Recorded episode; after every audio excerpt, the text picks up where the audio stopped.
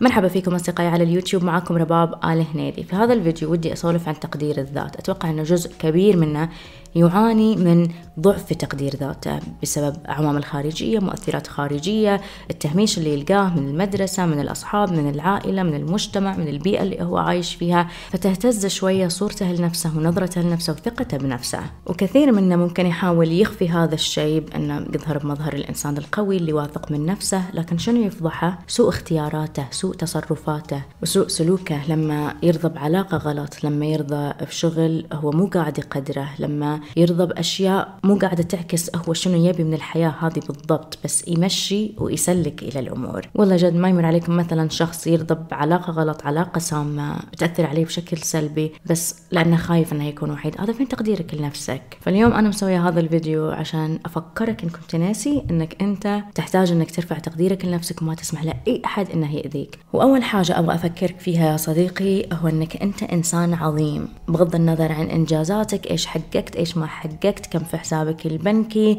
أنت إنسان عظيم. صحيح إن الإنجاز بترفع عندك القوة بتشبع عندك حاجة القوة وهالشيء يرفع من تقديرك لذاتك لكن أنت بمجرد وجودك في هذه الحياة أنت إنسان عظيم. وراح أذكر لك خمس شهادات من عند رب العالمين. أول شيء رب العالمين أكرمك لما قال ولقد كرمنا بني آدم. ثاني شيء ميزك بالعقل لما قال لعلكم تعقلون. ثالث شيء منحك قوة الاختيار. لما قال فمن شاء فليؤمن ومن شاء فليكفر أو وهديناه النجدين. رابع شيء ضمن لك رزقك في هذه الحياة. لقوله تعالى وفي السماء رزقكم وما توعدون. وبالأخير ضمن لك يوم رحيلك. لما قال فإذا جاء أجلهم لا يستأخرون ساعة ولا يستقدمون. فهذه خمس صفات خمس شهادات أكرمك الله فيها. قال إنك أنت مكرم ومفضل ومنحك قوة الاختيار. وطمأنك إن رزقك لك ما حد راح ياخذه غيرك. وفي الأخير ضمن لك رحيل. لك ومع ذلك الإنسان أحيانا يكون ضعيف يواجه الخوف الشك. هل يعني 7 بليونز من الناس في العالم هذا في الكون هذا وكلهم ناس عظيمين؟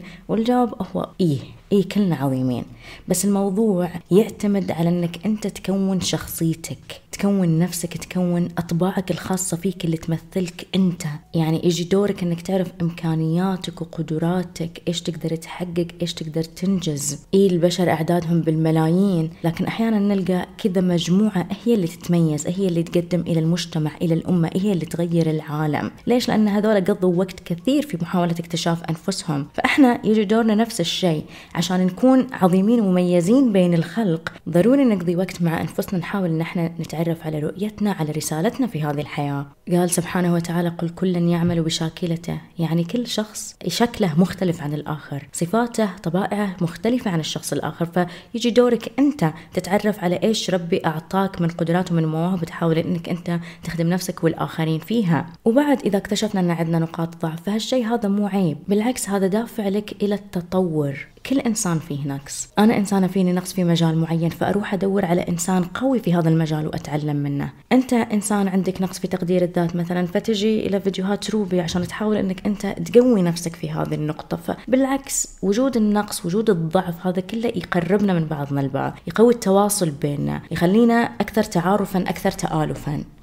أما النقطة الثانية اللي ودي أسولف عنها هي توقف عن جلد ذاتك وآسفة أن صوتي تغير فجأة. الجزء الأول من الفيديو سجلته في يوم والحين سجلته في يوم آخر وفي يوم وليلة مرضت فلازم أكمل الفيديو تحملوني. Anyway توقف عن جلد ذاتك يا صديقي لأن جلد الذات يعكس قلة تقديرك إلى ذاتك. قبل أسبوع أسبوعين حضرت دورة نظرية الاختيار والعلاج الواقعي حق ويليام جلاسر مع دكتور خالد المدني واللي تتكلم عن كيف ترفع تقديرك لنفسك بالتركيز على الداخل وعدم التأثر بالمؤثرات الخارجية. وذكر لنا قصة. قال إن جتني امرأة جميلة وشابة صغيرة ومرتبة وواضح إنها بنت عيلة وبنت ناس. والمرأة هذه متزوجة صار لها خمس سنوات. وطول هالخمس سنوات زوجها يضربها ويعذبها ويهينها وموريها نجوم الليل. إيه هي من حرتها؟ تروح تحط حرتها في بنتها اللي عمرها خمس سنوات. فإيه هي بدورها؟ تروح تعنف بنتها تروح تحرقها تروح تجلدها تروح تتلفظ عليها بعبارات بإنك أنت فاشلة أنت ما تفهم. تفهمي وكأنها هي سبب آلامها وتعبها. فالحين وش السوات الاثنين يعتبروا وعيهم منخفض. الاثنين ما هم قادرين إنهم يحموا هالطفله الصغيرة هذه. فالمفترض اللي يصير إن الأم تحمي نفسها وتحمي بنتها وتطلع من البيت. بس الأم ما هي قادرة تسوي هذا الشيء بسبب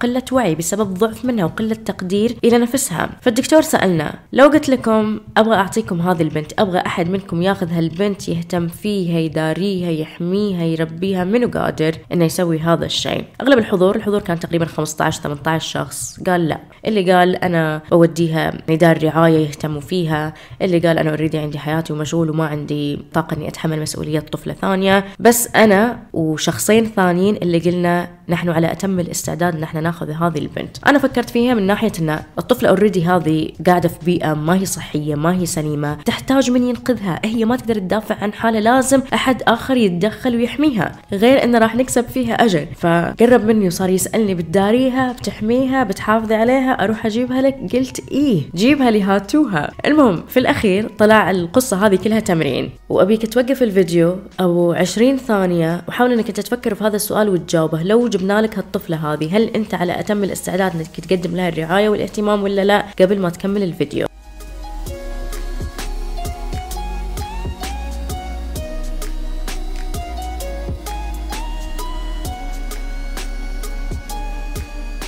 لأن الزوج يمثل المجتمع. المجتمع دايم بيجلدك ودايم بيشيل وبيحط فيك. الأم تمثل الأنا أنا نفسي والطفلة تمثل الذات. فمن المفترض بجوابك إنه إيه أنا قادر إن أحمي هذا الطفلة كأنك قادر على إنك تحمي ذاتك ونفسك. فالدكتور صار يقول أي شخص قال إيه هذا شخص ناجح. وأنا بس قال لي الجملة هذه لقيت حالي أبكي أبكي أبكي. مرة إنسانة عاطفية I got so emotional يعني حسيت التمرين هز حاجة فيني. لأن أنا فعلا إنسانة كثيرة جلد الذاتي. بس لما حللنا الموضوع ترى روبي أنت قادرة إنك تحمي نفسك. وتقدري توقفي هذا الشيء وتقدري ترفعي من تقديرك لذاتك. أما الشغلة الأخيرة اللي أقترحها من باب رفع التقدير إلى الذات هي أهمية أنك تعمل وتنجز وتجتهد عشان تشبع حاجة القوة عندك. الإنسان عنده خمس حاجات أساسية. إذا حدث فيها أي نقص راح تسبب له اختلال. إيش هي الخمس حاجات هذه؟ أول شيء حاجتك إلى الشعور بالانتماء حاجتك إلى البقاء حاجتك إلى الحرية حاجتك إلى الترويح وبالأخير حاجتك إلى القوة. حاجة القوة نعززها بالدراسة بالعمل بالشغل. بالشغل بالاجتهاد. فإشباعك إلى هذه الحاجة راح يرفع تقديرك لنفسك وأبغى أركز على ضرورة أنك أنت تكون فخور بإنجازك. لا تنتظر الدعم والثناء والكلام الجميل من الآخرين. إذا عشت حياتك على أمل أن أنا أكسب ثقة شخص ما تعزيز من شخص ما أنت راح تتدمر. لأن أفكارك وقناعاتك مختلفة عن أفكار وقناعات الآخرين. نظرتك إلى النجاح ومفهومك له يختلف عن الآخرين. يعني مثلا أنا لما أخذت قرار أني أبتعد عن تخصص العلاج التنفسي شوية أدخل في مجال التدريب الرياضي تطوير الذات والصحة النفسية وفتحت لي قناة في اليوتيوب. أنا ما لقيت تعزيز ودعم من جميع أهلي. البعض عارضني على هذه الفكرة لأن هم مبرمجين وعندهم نظام معين عايشين عليه إن أنت تروح المدرسة بعدين الجامعة بعدين الوظيفة. فكيف أنت جاي الحين تكسري هذا النظام وتبغي تخلقي لك نظام جديد؟ ففي البداية واجهت صعوبة كبيرة في التكيف معهم. أتذكر أول ما اشتغلت في جيم رياضي كمدربة رياضية واحدة من أهلي سألتني ها اشتغلتي؟ قلت لها إيوه اشتغلت كمدربة في الجيم. حضنتني وصارت تطبطب على كتفي وتقول لي الله يرزقك الوظيفة الأحسن الله يعوضك بالأحسن. وكأن اللي قاعد أسويه أنا شيء محرج شيء أقل من المستوى. صار فيني اللي هيه هيه ترى أنا مو قاعدة أشحت. ترى أنا قاعدة أشتغل وأشتغل في مجال أحبه. هذا اهتمامي هذا شغفي. إنسان جاي يقول لك أنا توظفت بوظيفة أنا أحبها من المفترض أنك أنت تكون مبسوط له تكون فخور فيه. بس لما تقابل بردة الفعل هذه هنا يجي دور إن أنا أحمي نفسي. بدل ما أعيش في دوامة أنا بحاجة الدعم والتعزيز من الآخرين أبني عقلية وأبني صورة ذهنية جديدة.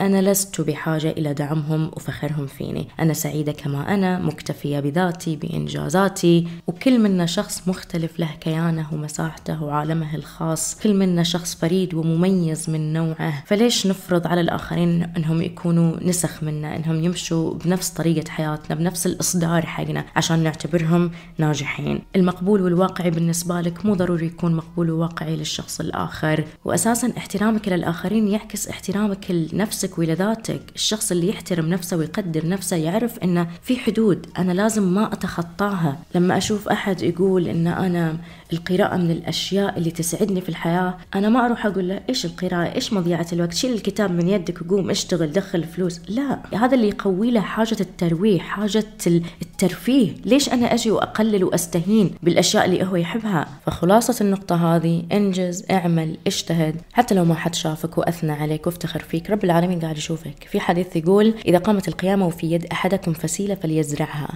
يعني ما قال الحديث اعمل عشان أحد يشوفك وأحد يعزز لك وأحد يكبرك لا اعمل حتى لو ما حد يشوفك حتى لو انتهت الدنيا هذه كلها أنت اللي عليك إنك تنجز. عموما هذا كل اللي عندي اليوم أصدقائي. في الأخير حابة أذكر أن بعض من المعلومات اللي ذكرتها مقتبسة من كتاب لا تنظر حولك حق دكتور خالد المدني. إذا ودكم تقرأوه كتاب جدا ممتاز يتكلم عن كيف تحمي نفسك وما تتأثر بالآخرين وترفع من تقديرك إلى نفسك. أتمنى الموضوع كان خفيف لطيف عليكم أصدقائي. إذا عجبكم الفيديو please ما ننسى ال like وال subscribe. مشكورين للمشاهدة ولحسن الاستماع.